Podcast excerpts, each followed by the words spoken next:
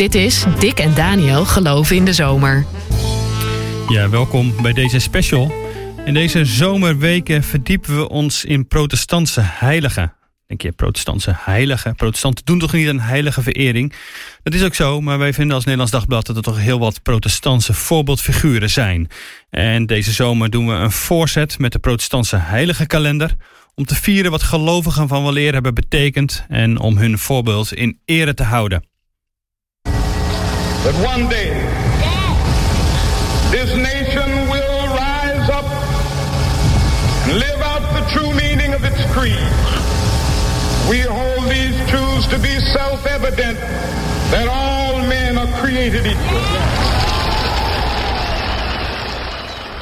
Ja, we gaan het natuurlijk hebben over Martin Luther King Junior moet je er, had je er eigenlijk nog, uh, nog achteraan zetten. En je hebt eigenlijk je hebt er geen idee van hè, dat die man daar deze wereldberoemde woorden I have a dream spreekt. Ja. Precies, dat hij, die, dat hij die spreekt op het moment dat hij dat maar een hele jonge dominee is van net 34 jaar. Ik bedoel, wat, wat heb jij uh, toen jij 34 was, uh, wat, had je, wat heb je toen bereikt?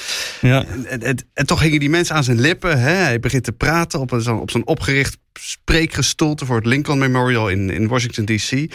250.000 mensen, kwart miljoen mensen. En die staan allemaal naar hem te luisteren. Samengestroomde ja, demonstranten. Ja. Ja, ja, ja, ja. En wat heel bijzonder is aan deze speech, hè, is wereldberoemd geworden. I have a dream. Het is geen verhaal van, van opstand. Niet zo van we zullen dit en we moeten dat. Geen oproep aan de politiek. Het is geen, geen woede. Het is eerst en vooral een, een visioen. Hè? Zoals de, de oud-testamentische profeten ook uh, van, uh, van visioenen vertelden. En dat is dan een wereld waarin witte en zwarte mensen samenleven. Ik heb een droom, zegt hij dan, dat, dat, uh, dat op een dag dit volk zal, zal opstaan... en dat op de rode heuvels van, van Georgia... de zonen van de voormalige slaven en de zonen van de voormalige slavenhouders... in staat zullen zijn om samen aan te schuiven aan een tafel van broederschap.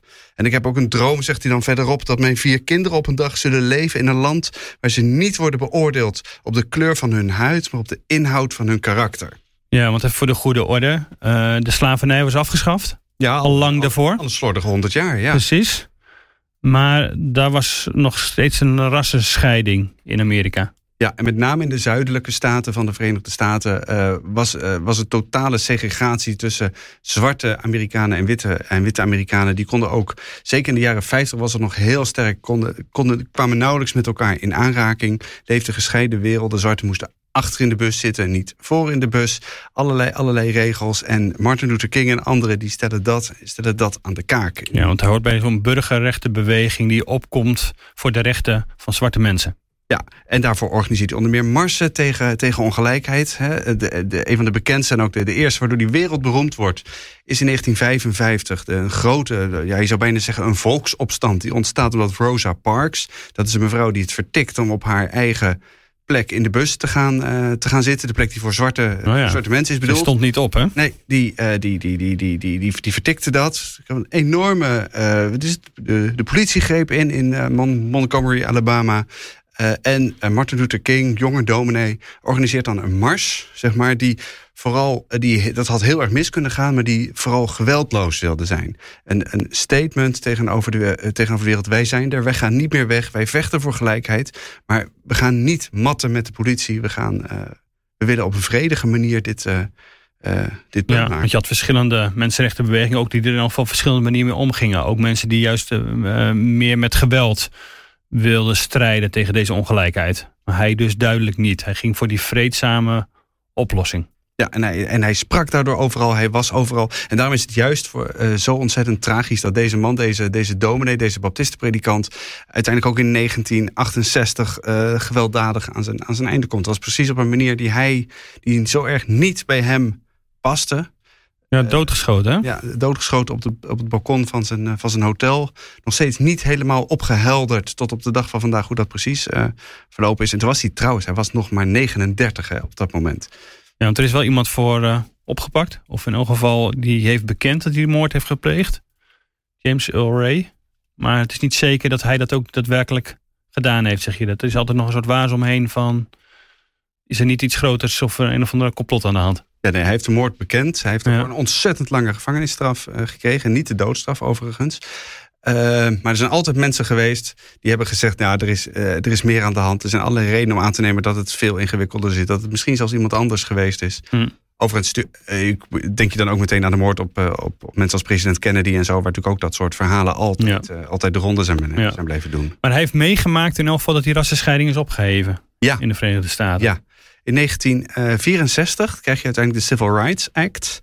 Uh, waarin president, John, die president Johnson dan, dan ondertekent. Waarin in elk geval formeel uh, in de hele Verenigde Staten die scheiding tussen zwart en wit wordt, uh, wordt opgegeven. Dan is natuurlijk nog een hele lange weg te gaan. En iedereen kan je uitleggen dat die tot op, van, tot op vandaag die, die, die scheiding in, in zekere zin voortduurt. Maar dan is hij juridisch in elk geval is het daar, is daar ja. klaar mee. Ja, precies. Want we merken ook nog uh, dat er nog steeds natuurlijk tegen racisme in, uh, in Amerika uh, gestreden wordt. En dat de politie de omgang soms met, met zwarte mensen laatst nog, dat er steeds nog dat tegen weer terugkeert. En daar discussie natuurlijk over is. Ja, ja je, hebt, je hebt in de Verenigde Staten heb je altijd op de derde maandag van januari heb je Martin Luther King dag. Maar er zijn ook ontzettend veel zwarte mensen die zeggen: ja, heel leuk dat we deze dag hebben. Maar uh, zullen we de andere 364 dagen van het jaar ook proberen om hmm. echt daadwerkelijk uh, aan wat is het, gelijke behandeling, gelijke kansen ja. van, uh, van, zwarte, van zwarte en witte en, en, en, ja. en, mensen van andere rassen. Iedereen herinnert zich George Floyd en de moord op hem. Ja. Wat voor een um, figuur was Martin Luther King precies? Wat, wat voor man was het? Waar kwam hij vandaan en hoe ontwikkelde zijn theologie zich? Nou, kijk, je zou, uh, omdat we natuurlijk, we weten ontzettend veel van hem als burgerrechtenactivist. Maar je zou bijna vergeten af en toe dat dit eigenlijk gewoon eerst en vooral een, hmm. een, een dominee was. Het was een, het was een, een, een baptistenpredikant. Zijn vader was dat ook al. Uh, en ondanks dat hij het op een gegeven moment ontzettend druk had in die mensenrechtenbeweging, over in het hele land speeches hield en heel veel kilometers vloog en reed en, en liep. Uh, bleef hij ook gewoon vrijwel iedere zondag, als hem dat lukte, bleef hij ook gewoon preken. Hmm. Uh, onder meer in zijn eigen kerk, de Baptistenkerk in, in Atlanta, in, in Georgia. En die preken die, die zijn misschien wel veel belangrijker dan, dan heel veel mensen weten en heel veel mensen denken. Omdat daar juist de basis wordt gelegd voor, voor, dat, voor die verontwaardiging. Het hele idee dat, dat, dat, dat God mensen gelijk geschapen heeft en dat het daarom zo'n grove zonde is dat wij dat verprutsen met elkaar. Dat we dat, niet, dat we dat geen gestalte kunnen krijgen. Dat we mensen beoordelen op basis van hun huidskleur. En uh, in plaats van naar mensen te kijken zoals, zoals God naar mensen kijkt. Ja, dus zijn, zijn werk als mensenrechtenactivist was ook echt. Ja, daar was de Bijbel de basis eigenlijk voor. Van God heeft de mensen gelijk geschapen. Ja, en daar, was, daar, is wel, daar is wel discussie over. Ook bij onder, uh, wat is Martin Luther King, biografen en zo. Mensen die zich met zijn leven en zijn werk bezighouden. Maar over het mhm. algemeen kun je toch wel zeggen... Kijk, kijk zijn, zijn preken waren allereerst heel erg praktisch. Je moet je ook voorstellen dat over het algemeen een vrij laag opgeleid uh, publiek. Dus zijn preken ging heel erg over werkloosheid. Over zorgen voor je familie terwijl je geen, geen, geen centen... Verantwoordelijkheid, ziekte. En natuurlijk gewoon die dagelijkse achterstelling... Hè, waar, mm. waar zijn grotendeels zwarte gehoor gewoon iedere dag mee, uh, mee te maken uh, had. En daardoor zijn er ook wel mensen geweest die, die zeggen dat zijn preek eigenlijk, zijn, zijn, zijn theologie heel erg horizontaal was. Zeg maar, uh, bijbelteksten, als je ziet hoe Martin Luther King bijbelteksten gebruikt, dan heb die heel snel een, een symbolisch karakter. Hè? Zoals het volk van Israël ooit uit Egypte bevrijd werd. Zo ook vandaag moeten wij, het is het, uittrekken uit het, naar het land van de belofte. Ja door de woestijn gaat het dan nu. Maar dat, dat kun je dan heel makkelijk koppelen aan de ervaringen van mensen op, eh, op dat moment. Um, en dan zijn er ook wel mensen geweest die hebben gezegd van ja, maar eigenlijk is die theologie van hem is dus bijna irrelevant voor zijn hele verontwaardiging en voor zijn, voor zijn, voor zijn opkomen voor, voor de rechten van, van, van zwarten. Want eigenlijk had hij dat ook prima zonder dat christelijk geloof onder woorden kunnen brengen. Daar had hij niet per se. Het was, de Bijbel was meer een illustratie daarbij dan. Want hij wel die Bijbelse beelden gebruikte, maar niet daar een, een theologie onder lag, precies die dat steunde. Er zijn mensen die dat zeggen. Uh, en we weten ook dat hij inderdaad met allerlei, uh, wat is het, christelijke leerstukken, zeg maar, zoals de, uh, de godheid van Christus, de maagdelijke geboorte, de hemelvaart, dat hij daar behoorlijk moeite mee had. Dat het in die zin een tamelijk liberale theoloog was.